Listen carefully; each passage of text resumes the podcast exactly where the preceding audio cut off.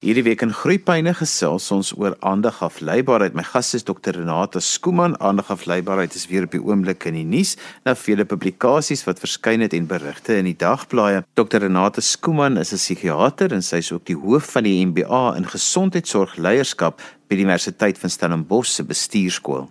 Renata, kom ons begin eers by aandagafleibaarheid. Dit bly maar 'n term wat mense nie verstaan nie. Ja, Johan, ek dink daar is nog steeds die idee wat mense het dat dit stoute dingetjies is wat baie besig is wat ADHD het. En daar is nog nie heeltemal die begrip van dit kan ook 'n stil dogtertjie in die klas wees wat net dagdroom is nie. Dit kan ook 'n besige dogtertjie wees. En verder is 60% van kinders wat ADHD het nog steeds ADHD simptome in volwassenheid hulle het nie noodwendig almal medikasie nodig nie, maar ADHD is nie net 'n kinderprobleem nie, dit is ook iets wat volwassenes affekteer.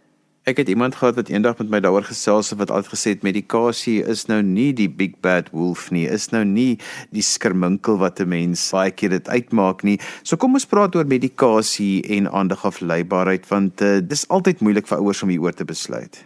Ja, Johan, dit baie stigma rondom medikasie en ek dink die laaste ding wat enige ouers vir 'n kind wil hê is dat hulle wel kroniese medikasie moet gebruik, of dit nou is vir ADHD of diabetes of wat die geval ook al mag wees. Mens moet net altyd onthou om enige inligting met omsigtigheid te hanteer. En dit is 'n bietjie soos om in 'n restaurant te eet. As jy in 'n restaurant gaan eet en jy het 'n slegte ondervinding, hardloop mense maklik na sosiale media toe. Maar as jy nou 'n goeie ondervinding het, is dit iets wat jy stil stil net geniet. En medikasie is dieselfde. Daar is moontlike neeweffekte maar die neeweffekte is gewoonlik nie ernstig nie en dit is nie noodwendig dat dit aanhou nie. Dit is verbygaande. Byvoorbeeld aanvanklike neeweffekte op iets soos Ritalin kan hoofpyn of maagpyn wees of bietjie slapeloosheid. Dit kan wel eetlusonderdrukking veroorsaak, maar dit is in 'n minimum gevalle waar dit so problematies is dat ons medikasie moet staak of verander. Daar is natuurlik uitsonderings en waar ons sien meer probleme is waar mense medikasie gebruik as hulle nie ADHD het nie of as hulle medikasie gebruik op ander maniere as wat dit voorgeskryf is.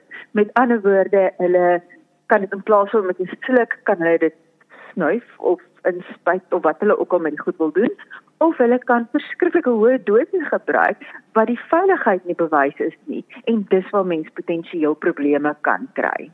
Want Renata, dit bly maar moeilik. Dis een van daai dinge wat 'n mens baie bewus is van want jy weet baie keer, veral sekere kinders weet jy dit, nou soos jy gesê het, ander kinders is dromers, dan weet ons dit nou nie van hulle nie. Maar eh, dit is nogal iets wat nou nie dis nie iets soos soos insulien wat 'n kind mes kan duidelik die simptome altyd sien nie. So dis moeilik ook om te weet moet ek of moet ek nie. Ja, die ander ding wat baie belangrik is, is twee goed. Is as mens medikasie gebruik en jou ervaar dat jou kind in aanhalingstekens se persoonlikheid verander.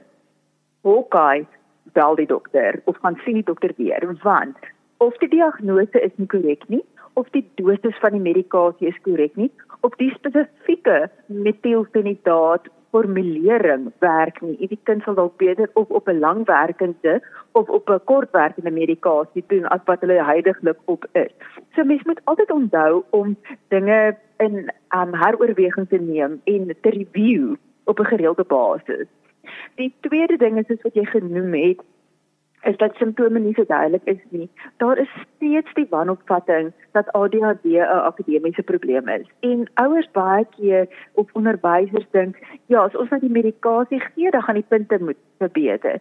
En dit is nie noodwendig die geval nie. En ek behandel nooit punte nie. Ons behandel optimale funksionering van 'n kind. So akademiese goed is een aspek, maar die ander aspek is hulle sosiale vaardighede, hulle geluk en hulle emosionele welstand. Want ons weet as ons ADHD nie optimaal behandel nie, is kinders en volwassenes meer geneig tot angsstoornisse, depressie, substansmisbruik en dan ook wat hulle akademies op in hulle werk en selfs in verhoudings kan val.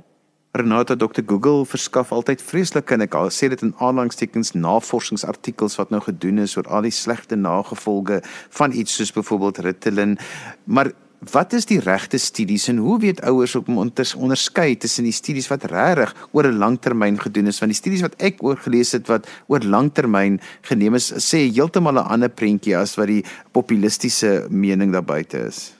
Absoluut. Ongelukkig het die algemene publiek nie altyd toegang tot die akademiese publikasies wat ons nou meer ag opslaan of wat beter kwaliteit studies is nie. En ons praat wat ons noem meta-analysis of meta-analises. Met ander woorde waar mens al die studies bymekaar sit en dit is dan daar duisende pasiënte wat ingesluit is in die studies. Nou dit het ons baie keer toegang deur spesiale soek engines soos PubMed byvoorbeeld of daar se toegangsfooi om toegang daartoe te hê. Die belangrike ding is dat wel goeie webtuistes en soos wat ons ook in ons boek wat ons gepubliseer het 'n lys van goeie webtuistes vir mense aanbeveel waar ons weer eens goeie kwaliteit inligting. Byvoorbeeld die CADRA, die Canadian Association for ADHD, het baie goeie inligting daar en ook die National Institute for Mental Health van Amerika, maar dan is daar ook kleiner webtuistes. Selfs van ons plaaslike webtuistes wat goeie akkurate inligting vir mense kan gee. Maar mense moet onthou as mens net woorde intik in Google, die eerste klomp goed wat oppop is nie noodwendig die korrekte inligting nie. Dis of gesponsorde inligting of dit kan die populistiese tipe inligting wees. Renata, kom ons praat sommer reguit oor dit wat mense sê kinders wat Ritalin gebruik, hulle word dan dwelms verslaaf. En gee asseblief vir ons nou die korrekte antwoord daarvoor. Daar's baie goeie studies uit. Onder andere 'n studie wat gekyk het na 'n groep tienerseuns wat hulle oor 'n lang tydperk as ek reg onthou het van 9 jaar af oud af vir 'n hele klomp jare opgevolg het. En hulle het hulle in vier groepe gedeel. Seuns met ADHD op medikasie seuns met ADHD sonder medikasie seuns sonder ADHD met medikasie en seuns sonder ADHD sonder medikasie. En hulle het hierdie vier groepe seuns opgevolg en hulle het gewys dat die seuns wat blootgestel was aan metielfenidaat vir al die groep met ADHD wat die korrekte behandeling gekry het, oor tyd was hulle risiko om substansie te misbruik heelwat minder as enige van die ander groepe. Wat dit beteken is, ons weet kinders met ADHD of tieners met ADHD is meer impulsief. Hulle doen dinge sonder om te dink aan die gevolge. Met ander woorde, hulle eksperimenteer dalk met substansies sodat hulle besef wat is die gevolge. Die tweede ding is as hulle ADHD nie behandel word nie, voel hulle baie keer socially ostracized. Hulle word uitgesluit uit sosiale kringe en hulle raak bevriend met die verkeerde vriende en kom met die verkeerde invloede en sal baie keer dan eksperimenteer met substansies om deel te voel van die groep en dan sit dit hulle natuurlik op 'n verhoogde risiko om self die substansie dan te misbruik. Ek dink mens moet baie mooi onderskei tussen mense wat 'n substansmisbruik probleem het primêr want hulle sal enige iets misbruik. Dis nie noodwendig dan die tipe substans wat veroorsaak het dat hulle afhanklik raak van iets nie. Jy luister na Groepyne en ons gesels vandag in Groepyne oor ADHD. Dr Renate Skooman is 'n psigiater en sy is ook die hoof van die MBA in gesondheidsorgleierskap by die Universiteit van Stellenbosch se bestuurskool. Renata, jy het net ook gesê dat die regte kinders moet iets soos Ritalin kry of enige van die ander afleibaarheidsmedikasies en stimulante.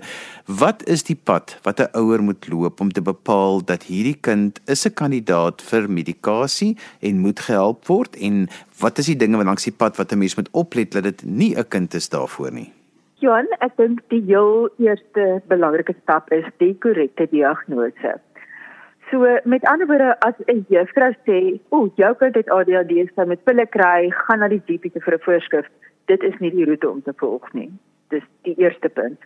Die tweede punt, as ons dan wel die roete volg, is daar een van twee maniere. Afhangend van hoe ernstig die kind se simptome is, as die simptome nou regtig baie duidelik ADHD is, dan is dit nie noodwendig nodig dat ons allerlei toetse of ondersoeke in goed doen nie en mens kan direk na 'n psigiater toe gaan. Die ander opsie is dat mens miskien as die simptome bietjie meer subtiel is of as mens bietjie skepties is oor die diagnose, dat mens wel eers gaan oogies toets, ore toets, want dit kan baie keer tot simptome lei tot iets wat soos ADHD lyk, maar eerder wat ons noem sensory processing probleme is. Ek is baie ten gunste van 'n volledige arbeidsterapie evaluasie, veral in die jonger pasiëntjies. En dan in skoolgaande pasiënte definitief ook by 'n uh, educational psychologist uitkom dan vir ons skolastiese toetse kan doen. Want baie keer kan 'n kind byvoorbeeld disleksie hê of net 'n spesifieke leesprobleem en dit kan lyk soos ADHD, maar dit is nie noodwendig ADHD nie en hulle hoef nie medikasie te kry nie. Want Renata, ek dink dit is waar daai mispersepsie ontstaan het, is dat mense baie keer op die aanbeveling van iemand dat die kind kan nie stil sit in die klas nie en dan gaan hulle na 'n dokter toe en hulle kry pilletjie, want dit is kinders wat nie daarop moet wees nie. Ja, en baie keer is dit ook juist die kinders wat dan neeweffekte kry, want hulle breintjies het genoeg van die oordragstowwe. Mens moet nie vir hulle te veel daarvan gee nie. En daar's baie redes hoekom 'n kind nie kan stil sit nie. 'n Kind kan angstig wees, 'n kind kan self iets soos wurms hê en dan kan hulle nie stil sit nie. Hulle kan ystertekort hê. Hulle kan baie moeg wees, te min geslaap het of verveeld wees of selfs honger wees. En ook met mens kyk is daar trauma by die huis of in die omgewing waar hulle blootgestel is. So dis regtig wat ons noem 'n comprehensive diagnostic assessment nodig. En die minimum daarvan is 'n uur by die psigiater om regtig hierdie goed te deurtrap en moontlik dan te verwys vir verdere ondersoeke. Renata, ek wil nou 'n klein bietjie meer akademiese vraag vra en dit is dat mense nie net moet kyk na aandagafleibaarheid of ADHD in konteks nie want deel daarvan vorm iets soos konsentrasiebeheer, impulsbeheer en dan ook regulering van emosies en die kombinasie daarvan word nie altyd net met 'n enkele pilletjie opgelos nie. Absoluut. As ons kyk na hoe ons dit diagnoseer, met ander woorde daar is kriteria wat ons gebruik en daar's 'n groep simptome wat val onder afleibaarheid 'n groep wat val onder hiperaktiwiteit en 'n groep wat val onder impulsiwiteit. En saam met dit kyk ons na emosionele disregulering soos jy genoem het en dan ander goed soos is dit deur die pasiënt se lewe teenwoordig, dit nie nou net skielik 3 maande terug begin nie en is dit in verskillende kontekste sigbaar, met ander woorde by die huis, by die skool, by die kerk. Dis nie net in een omgewing nie. As ons dan daai groep simptome het, is wanneer ons 'n diagnose kan maak. Renata wat altyd vir my ook interessant is is dat iets soos ADHD het maar so 'n genetiese lyn wat 'n mens baie keer kan sien. En dit is nie altyd dat die kind dit noodwendig het nie want baie keer sien jy byvoorbeeld ADHD gedrag by die ouer. En as 'n mens dan begin met volwasse ADHD behandel dan baie keer kry jy nogal die gevalle waar die kind eintlik dan van self ander gedrag begin toon want dit wat hy by die huis in sy rotine ervaar was 'n ADHD omgewing. En um, as 'n mens daai omgewing so bietjie verander dan kry jy baie keer dat die kind dan ook ander nie meer daai tekens toon nie. Absoluut. So ons weet ADHD is die mees genetiese toestand in psigiatrie.